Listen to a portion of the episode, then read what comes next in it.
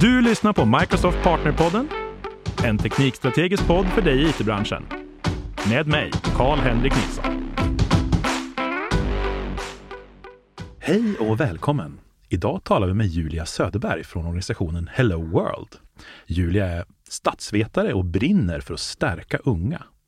Hon har dessutom ett förflutet från Uppsala studentradio, så det här kommer bli ett kanonavsnitt. Hej Julia!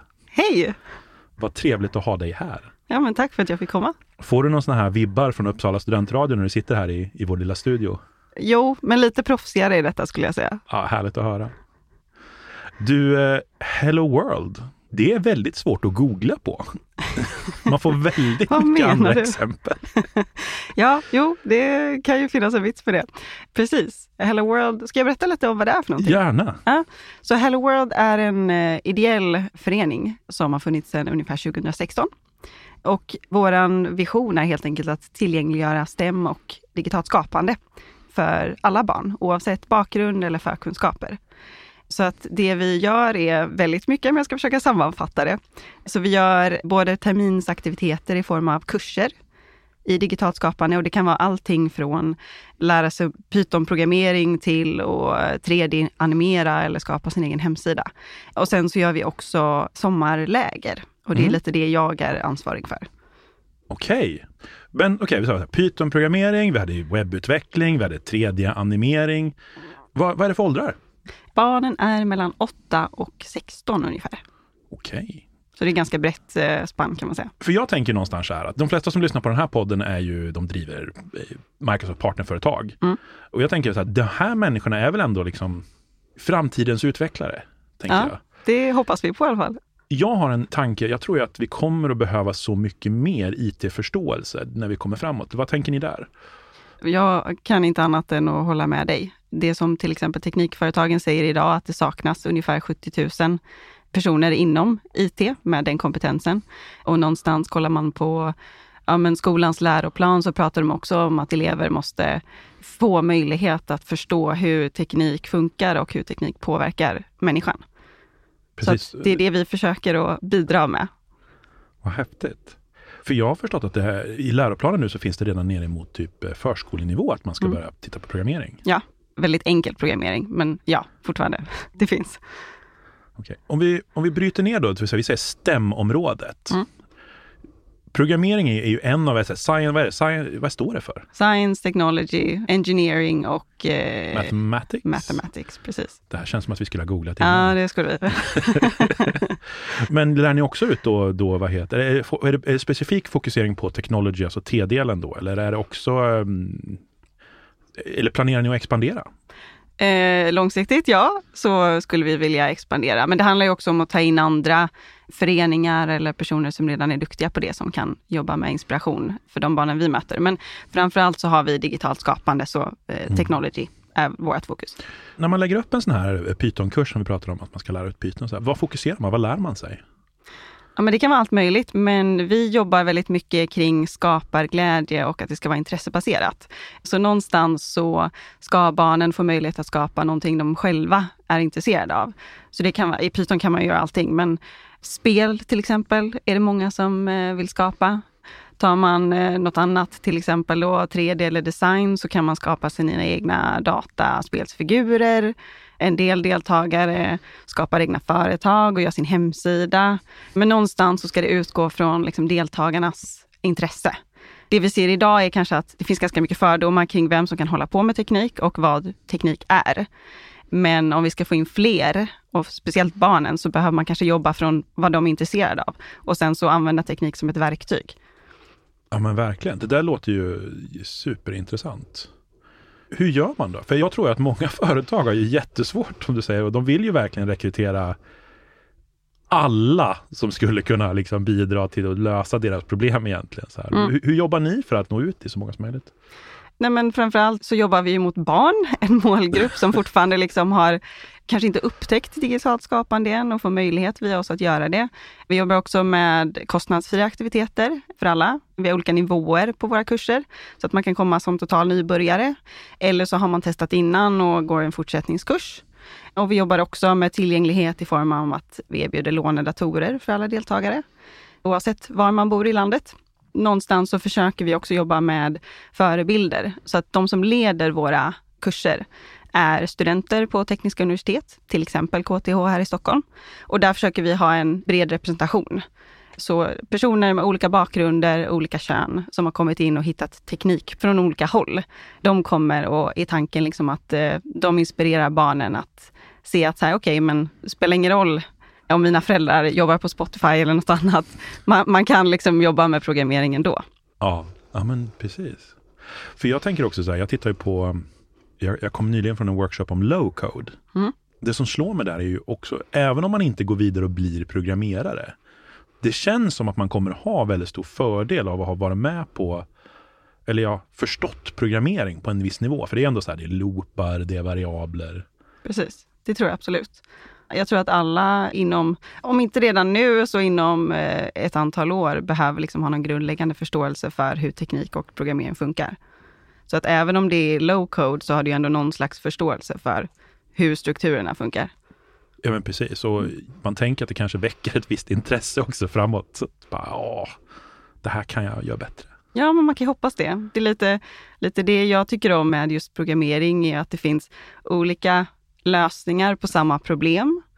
Och någonstans så är det ju öppet för alla. Du behöver inte gå till universitetet. Alltså det är bra, men det finns väldigt mycket gratis resurser på nätet också, som gör det mer inkluderande. Ja, det där förvånar mig varje gång, men det är ju många som jag träffar i IT-branschen som är helt självlärda, som är briljanta programmerare. Mm. Det är det som är så underbart tycker jag. Ja, ja absolut. Jag älskar det. det. Det är fantastiskt. Jag har träffat människor alltifrån liksom Ghana till Asien till Sverige som har helt olika utbildningar och som möts och jobbar i open source-projekt och grejer ihop. Precis. Och det är det som jag tycker är kul också, att även om man då kan lära sig samma språk, så har ju också ens erfarenheter från tidigare, inte liv, men vad man har gjort innan spelar också roll för vad man hittar för lösning tillsammans. Programmering är inkluderande på ett, ett sätt som många andra ämnen inte är. Vi nämnde ju i början här att du brinner så för att stärka unga och jag inbillar ju mig att det här med att lära sig programmering verkligen är en av de här sakerna som stärker unga, när man förstår hur datorer och hur teknik faktiskt fungerar. Ser ni liksom att det, att det är någon som får såna här riktiga aha-upplevelser när ni har de här workshopsen? Oh ja, det är väldigt olika vad man får för aha-upplevelser, alltså beroende på hur gammal man är och hur mycket man har gjort med det innan. Men det vi ser mycket nu är att framförallt ganska unga barn, alltså de har inte oftast eh, så stor vana av att ens jobba med en dator. Alltså det här med att till och med skriva på ett tangentbord kan vara svårt. Många, man ska inte säga alla, men en del barn har kanske suttit med en iPad och det är kanske lättare att förstå, de har gjort det i ung ålder, men det här att gå från iPad till dator är något helt annat. Och någonstans så behöver man ju, om man då ska programmera i framtiden, om man inte ska köra någon no-code-lösning, så behöver man ju ändå sitta vid en dator. Ja, äh, ja. Kanske. Alltså det, det, finns ju typ GitHub Code Spaces kan du köra en iPad. Så det går. Jo, absolut.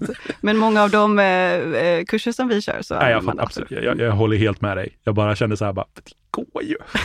det är den typiska programmerarmentaliteten som kickar exakt, in. Exakt. Nej. Nej, men jag tänker att någonstans så eh, man ska ju kunna programmera på en mobil också. Det mm. finns ju tusentals program för det.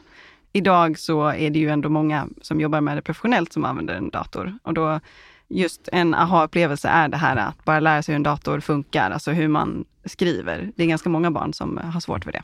Vi har ju tittat lite grann på organisationen Hello World mm. och jag älskar det du är inne på nu, liksom, att vi lär barn programmering.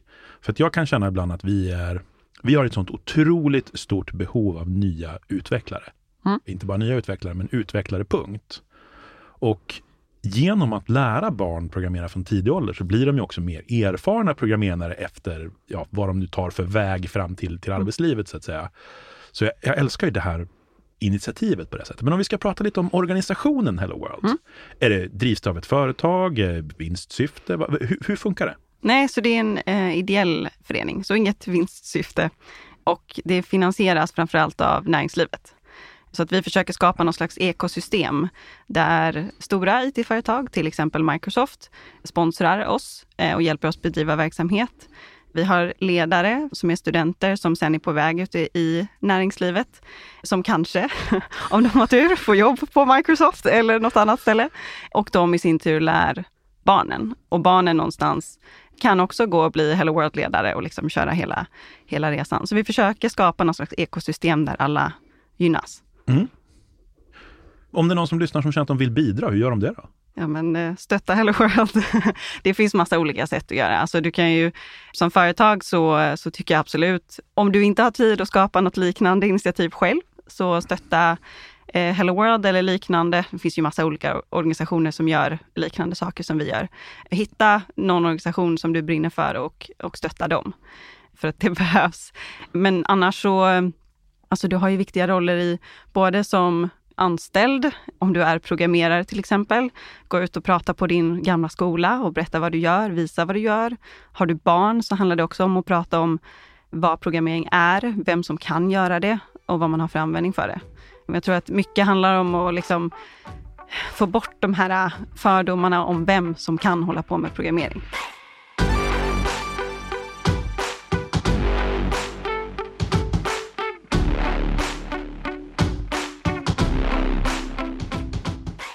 Jag har ju varit ute själv på ganska mycket skolor och sånt där och pratat, mm. pratat programmering när jag var yngre. Jag undrar ju så här liksom, vad borde man göra för att man inte ska exkludera folk? För jag har ju lite svårt att byta, jag är ju en vit medelålders man och det har jag lite svårt att göra någonting åt ja, sådär. Precis, precis. Men samtidigt så tänker jag att jag är ändå villig att lägga ner tiden. Mm. Så, där, så vad gör man då? Jag antar att det finns ändå sätt som man kan välja för att det ska bli mindre problematiskt. Mm. Nej men eh, som jag var inne på tidigare, förebilder är en viktig del. Nu är du en vit medelålders man, men, men du har också ett brett kontaktnät. Absolut. Eh, så att det kanske handlar om att bjuda in andra också som kan komma och prata. Jag jobbade mycket med, jag höll i ett digitalt sommarläger i, i somras. Och någonting som vi pratade mycket om då var att försöka få in ja, men förebilder som hade olika bakgrunder och alla jobbade inte med programmering, men alla jobbade inom digitalt skapande som är en lite kanske bredare term. Och där försökte vi då att erbjuder de här gästerna att hålla i någon slags inspirationsföreläsning för barnen för att visa dem att digitalt skapande är ganska brett. Alltså det finns många olika ingångar. Någonstans så kanske man också fastnar i så här, programmering, ja men då sitter du vid en dator och så programmerar du i ABC-språket. Så. Och så är det inte mer. Men någonstans så handlar det ju också om att teknik och programmering kommer ju kunna förhoppningsvis hjälpa oss att lösa liksom, framtidens stora problem, till exempel klimatkrisen. Och ibland då så handlar det om att barnen ska få perspektiv på att så här, men jag använder det som ett verktyg för att liksom lösa större problem som de själva liksom är passionerade för. Ett sådant exempel är faktiskt Teklafestivalen. Känner du till? Nej. Nej. Teklafestivalen är en, en festival som anordnas av KTH, som startades från början med artisten Robin. Och det är en, eh, en teknikfestival för tjejer och icke-binära. Så de får under en dag komma och lyssna på gästföreläsningar, testa att programmera, prata med folk som är studenter på KTH etc. Då hade de gjort djupintervjuer med flera tjejer som deltog på den här festivalen. Och många av de tjejerna pratade om att så här, programmering i sig kanske inte var så intressant för dem där och då. Men när de fick använda programmering som ett verktyg för att lösa något annat problem och när de fick samarbeta i grupp för att lösa ett större problem, då var det intressant. Ja, jag förstår. Så att ibland så handlar det om att liksom, ja, se, se ja. det som ett verktyg istället för liksom slutmålet. Och, och, jag tror att det där är ju en fördom som andra människor har som tittar in på programmering. Mm. För helt ärligt, programmering är ju mestadels möten. Ja. alltså, vi sitter i ett rum och pratar om vad vi ska bygga, hur ska det se ut, bla bla bla. Liksom. Vi studerar människor, hur, hur vill de interagera med lösningen och så vidare. Och vi skriver så kallade user stories, hela den biten. Så jag. Den här ensamma människan med en hoodie som sitter framför en dator är nog lite av en det är en väldig fördom. Jo, men det är ju det. Men frågan är då till exempel när du har gått ut på skolor, vilka bitar nämner du när du pratar med en klass? Jag gjorde någonting som heter user story mapping en mm. gång. Men då var det ganska gamla elever som läste programmering. Mm. Det, men då försökte jag verkligen förklara för dem var väl just det här med att det är ganska, för då var jag väl nog där lite grann för att mer förbereda dem för yrkeslivet. Jag pratade lite med deras lärare mm. och han medgav väl att han, han hade svårt att förklara för de här eleverna hur man får reda på vad man ska göra mm. när man kommer ut i, i... Alltså för att han gav ju dem en uppgift, lös det här problemet. Och då hade de väl liksom tagit upp då frågan, okej okay, men, men vem ska ge mig den här uppgiften sen? Mm. ja. Så att, jo men det har vi nog gjort lite grann. Sådär. Jag tror att det är ganska viktigt att trycka på när man pratar om teknik och programmering faktiskt. Som du säger, det är ganska mycket klassiskt betingade kvinnliga drag. Alltså det här med samarbete och att liksom försöka samarbeta och komma fram till en lösning tillsammans. Men som du säger, det finns absolut, oavsett hur mycket vi pratar om det, så finns det ändå fördomar kvar om det här programmeraren som sitter ensam i ett rum. Liksom. Och jag, jag, jag, vet ju att det inte stämmer, men den lever ju uppenbarligen kvar av någon anledning. Ja, men ja, så film och tv och mm. allting mm. sånt här gör ju ett, ett jättebra jobb av att inte alls visa hur vi jobbar. Exakt. Så det behövs någon slags eh, större liksom, samhällssatsningar, eh, kontentan tror jag. Ja, men sen också tror jag att vi går tillbaka lite grann till själva, så här, känner vi glider lite ifrån ämnet ja. sätt. Men eh, jag tänker så här att jag ser det som otroligt viktigt att vi verkligen tittar på hur kan vi, dels kan vi plocka bort de här fördomarna så att vi, mer människor söker sig till branschen för vi kan fylla de här hålen mm. vi verkligen har. Ja. Vi behöver mer människor, över 10 arbetslöshet i det här landet just nu, tror jag det var med sista siffrorna jag såg. Och vad heter vi har jättemycket människor som kanske skulle just kunna vara med och lösa de här problemen mm. och vi kan göra det lite mer attraktivt. Ja. Och där tror jag ju faktiskt framförallt att vi slår hål på den bubblan väldigt tidigt. Ja. För det, det, känns som den långsiktiga lösningen på problemet. Visst, vi kan panikutbilda lite människor nu, men den långsiktiga lösningen, eller vad tänker du? Jo, men alltså Ja, man kan absolut panikutbilda människor, men, men jag tror ju någonstans att eh, precis som alla som har börjat någon gång i, i arbetslivet letar ju efter ett jobb som de tycker är roligt, där de får göra någonting som de är intresserade av. Någonstans så tror jag också att man behöver, som vi pratade om, börja ungt för att barnen ska hitta det intresset tidigt. En sak som jag tänkte på, känner du till, det finns en, en forskningsstudie som eh, de har tagit fram en modell för, alltså försökt förklara varför många barn väljer bort stämområdet. Har du hört om det? Ja, den som är baserad på det här Alice-projektet de gjorde för många, många, många år sedan. Oh, det vet jag inte. Det är en brittisk studie från början, men det kallas vetenskapligt kapital. Osäker. Science capital. Men min poäng med detta var då att de har kollat just på varför så många barn väljer bort STEM och programmering för den delen. Och det de hittade var att när man frågar barnen till exempel, är du intresserad av jag vet inte, naturkunskap eller det här fysikexperimentet som de gör i skolan, så är det många barn som tycker att det är jätteintressant. Men när de sen frågar barnen, vill du bli naturvetare? Vill du jobba som naturvetare? Så säger de nej. Den här bilden av vem den där naturvetaren eller programmeraren är, stämmer liksom inte överens med deras intresse. Det är svårt att komma på en lösning till, till detta, men det de har försökt att förklara som en potentiell lösning är liksom större samhällssatsningar där man jobbar både i skolan med läroplanen, men det handlar också om, om liksom andra aktiviteter runt om. Att få en informell lärmiljö där man också får testa, typ som Hello World gör. Att man får komma och ha, vet istället för att gå på fotboll en gång i veckan så går man på programmering en gång i veckan någonstans så är det viktigt. Att få testa det i liksom inte skolmiljö. Ja, jag vet inte om det var baserat på det jag tänkte på, men jag fick upp så här, nu kanske jag felciterar, men jag för mig att det hette Alice-projektet, något som jag läste om när jag var väldigt ny, ganska ny programmerare. Mm. Där de tog, eh, de tog barn och så tog de dem i två grupper och en grupp fick bara programmera, så här, lös det här problemet, plussa ihop det. Så här. Och mm. så, de andra fick en liten, liten enkel 3D-motor. Mm. Och så fick de berätta, eller det var en 2D-motor till och med, strunt samma. De fick berätta sagor med kod. Oh, vad spännande. Och de här var alltså jätteunga barn, alltså, alltså vi pratar förskoleålder. Mm. Och de här som fick berätta sagor med kod, de lärde sig så här, while-loopar, for-loopar, allt bara liksom kom för att oj, den här måste säga det flera gånger, för den ska ropa på, den kan säga ha ha ha, ja men då kan du göra så här, okej. Okay. Och, så, och så var det så här, du vet, den där kunskapen, för att det var, du programmerade ju inte, du höll på att mm. berätta en saga, sen hade du ett verktyg framför dig. Mm. Och, och det där nu, ska jag, nu som sagt, det var nästan 20 år sedan tror jag, när jag läste den här studien, så med risk för att jag felciterar den lite grann. Men jag har för mig att de kom fram till att de som var med om de här kurserna, och det är säkert det som gör att vi idag har programmering redan nere i förskoleåldern. Liksom. Mm.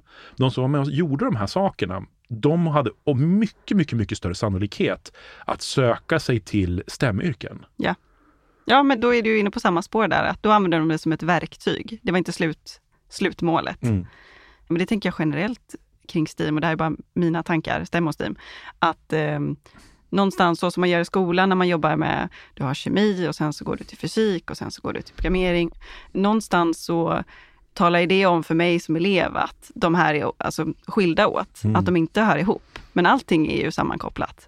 Det som på ett sätt tror jag programmering kan hjälpa till med, för att det kopplar ihop så otroligt många ämnen. Och sen när man lägger till den här kreativa aspekten av, som du sa, berätta en historia, mm. men använd ett verktyg. Det är något eh, magiskt med det tycker jag. Och jag misstänker också, jag tror att de flesta programmerare jag känner tänker nog inte på sig själva som att de sitter och skriver kod. De tänker Nej. nog precis så här, jag löser ett problem, jag mm. använder mitt verktyg. Mm. För några veckor sedan pratade jag med en kille som heter Peter som här och pratade om OpenAI. Och han nämnde ju liksom hur viktigt han tänkte att det var för, bara för sin dotter, att hon ska förstå kanske inte hur man gör programmering, för det kanske inte är ett yrke om 20 år eller 30 år. Nej, vem vet. Men just att hon kan tekniken och kan förstå hur, hur beställer man, hur modererar man en AI-algoritm liksom, när, där man kan göra vad som helst med den. Mm. Jag tror det är jätteviktigt. Alltså det är ju någonstans därför jag jobbar på Hello World också. För att jag tror att det är ett, ett demokratiskt problem om man saknar förståelse för det. Grundläggande förståelse för hur datorer och teknik funkar. Så att jag tror att eh, är man förälder och har barn så gör man sina barn en tjänst genom att på något sätt lära dem grunderna för hur en dator funkar. Det tror jag. Vi försöker att få in det i alla våra kurser och aktiviteter som vi gör på Hello World. Ett sådant exempel som vi har tenderat att göra på sommarlägerna eh, som vi har haft, är att eh, barnen får ja, men leka lite instruktör. Så att eh, kontexten är egentligen att de ska ge ett kommando till en dator. Men då har de sina, sina vänner eller klasskompisar som spelar de här olika kommandona kan man säga. Så att till exempel om det nu är så att eh, man vill gå rakt fram, dåligt exempel med dator, men för att göra det lite tydligare så tar jag detta exemplet. Då kanske då instruktören i form av barnet behöver säga till Kalle som står rakt fram, Kalle, ta ett steg fram. Men att säga Kalle, gå fram, vad betyder det? Är det ett steg? Är det fler steg? Är det en meter? Är det två meter? Man behöver ju ändå vara tydlig. Mm. Och det är lite det kanske som man vill ha fram också med den här grundläggande förståelsen för hur teknik funkar. Precis, och jag gillar också det där för att det är som du säger, det viktiga här kanske är att lära sig hur man ger ja, kommandon. För att när jag gick i skolan då fick man lära sig det här är ramminne, det här är en processor. Det känns som ganska ointressant kunskap mm. jämfört med så här fungerar och som du säger då, så här ger man kommandon till olika saker. Så här fungerar internet eller vad det nu är som kommer att vara viktigt. Det, det, det känns som att det blir så viktigt att hänga med. Ja, verkligen. Och någonstans också att kunna förstå vad som är verkligt och inte. Om man tänker det här med AI, AI som vi pratade om tidigare med, med bilder som genereras av AI som kanske då inte riktigt är tagna från verkligheten. Alltså hur ska man kunna särskilja på fakta och liksom påhittade saker? Och jag tänker också i takt med att med, ju oftare man sitter på internet, desto mer information tar man ju till sig. Men hur ska barn idag kunna vara källkritiska och förstå vad som är fakta och inte? Ja, det där är så intressant att du tar upp det. Det är otroligt viktigt att de förstår. Det här är inte på riktigt. Mm. För att det kommer ju att bli nästintill omöjligt att se om en bild är på riktigt eller inte. Ja, obehagligt. Det, det är jätte, jag, så, jag såg en, ett, ett supersimpelt exempel där de hade tagit en bild som slutade vid knäna. Mm. Och så hade de sagt till OpenAI att förläng den här bilden så att hon får ben. Oh. Och helt plötsligt så genererade den inte bara benen, utan hela bilden bakom med dörr och, och lister och allting och golvlister hade den kommit fram till att det borde vi ha i bilden och det var riktigt snyggt. Och det såg ändå verkligt ut då? Det såg jättehemskt verkligt ut. Oh, ja, om man då en, inte ens själv mm. kan förstå det, som på något sätt förhoppningsvis har kommit lite längre i sin digitala kompetens, så hur ska barn göra det? Jag vet inte ens var jag skulle liksom så här börja för att säga att den här bilden är falsk. Nej. Jag tog en, en bild i min sommarstuga mm. Och sen tänkte jag att i Photoshop, äh, jag skulle vilja dra ut den. Ska fan, tänk om jag hade gjort den lite bredare. Och så drog jag ut den i Photoshop, gjorde den lite bredare. Och så finns det en funktion som heter klicka generera i område omkring och så genererar den lite natur. Och det ser jättesnyggt ut. Det är... Bra för dina fotokunskaper men, men mindre, mindre sanningshalt. Precis, det är ju en sån grej som vi verkligen måste lära oss. Det ja. tror jag. Ja, det är ett demokratiskt eh, problem skulle jag säga om man inte gör det. Ja, precis. Man kommer halka efter om man inte mm. har de här kunskaperna. Mm. Superspännande insikter. Jag hoppas ju att vi kommer att få en mycket mer, om inte mer programmerare, så åtminstone en, eh, ett Sverige där vi har mycket mer digital mogenhet. Oh ja, det hoppas jag också. Stort lycka till framtiden för Hello World och jättestort tack för att du kom och pratade med oss idag Julia. Tack så mycket. Vi lägger med lite länkar om det är någon som känner att de vill eh, sträcka ut en hand till Hello World, tänker jag i podden. Absolut. Tack så mycket. Tack. Du har lyssnat på Microsoft Partnerpodden med mig, Karl-Henrik Nilsson. Som vanligt hittar du information och resurser på aka.ms partnerpodden.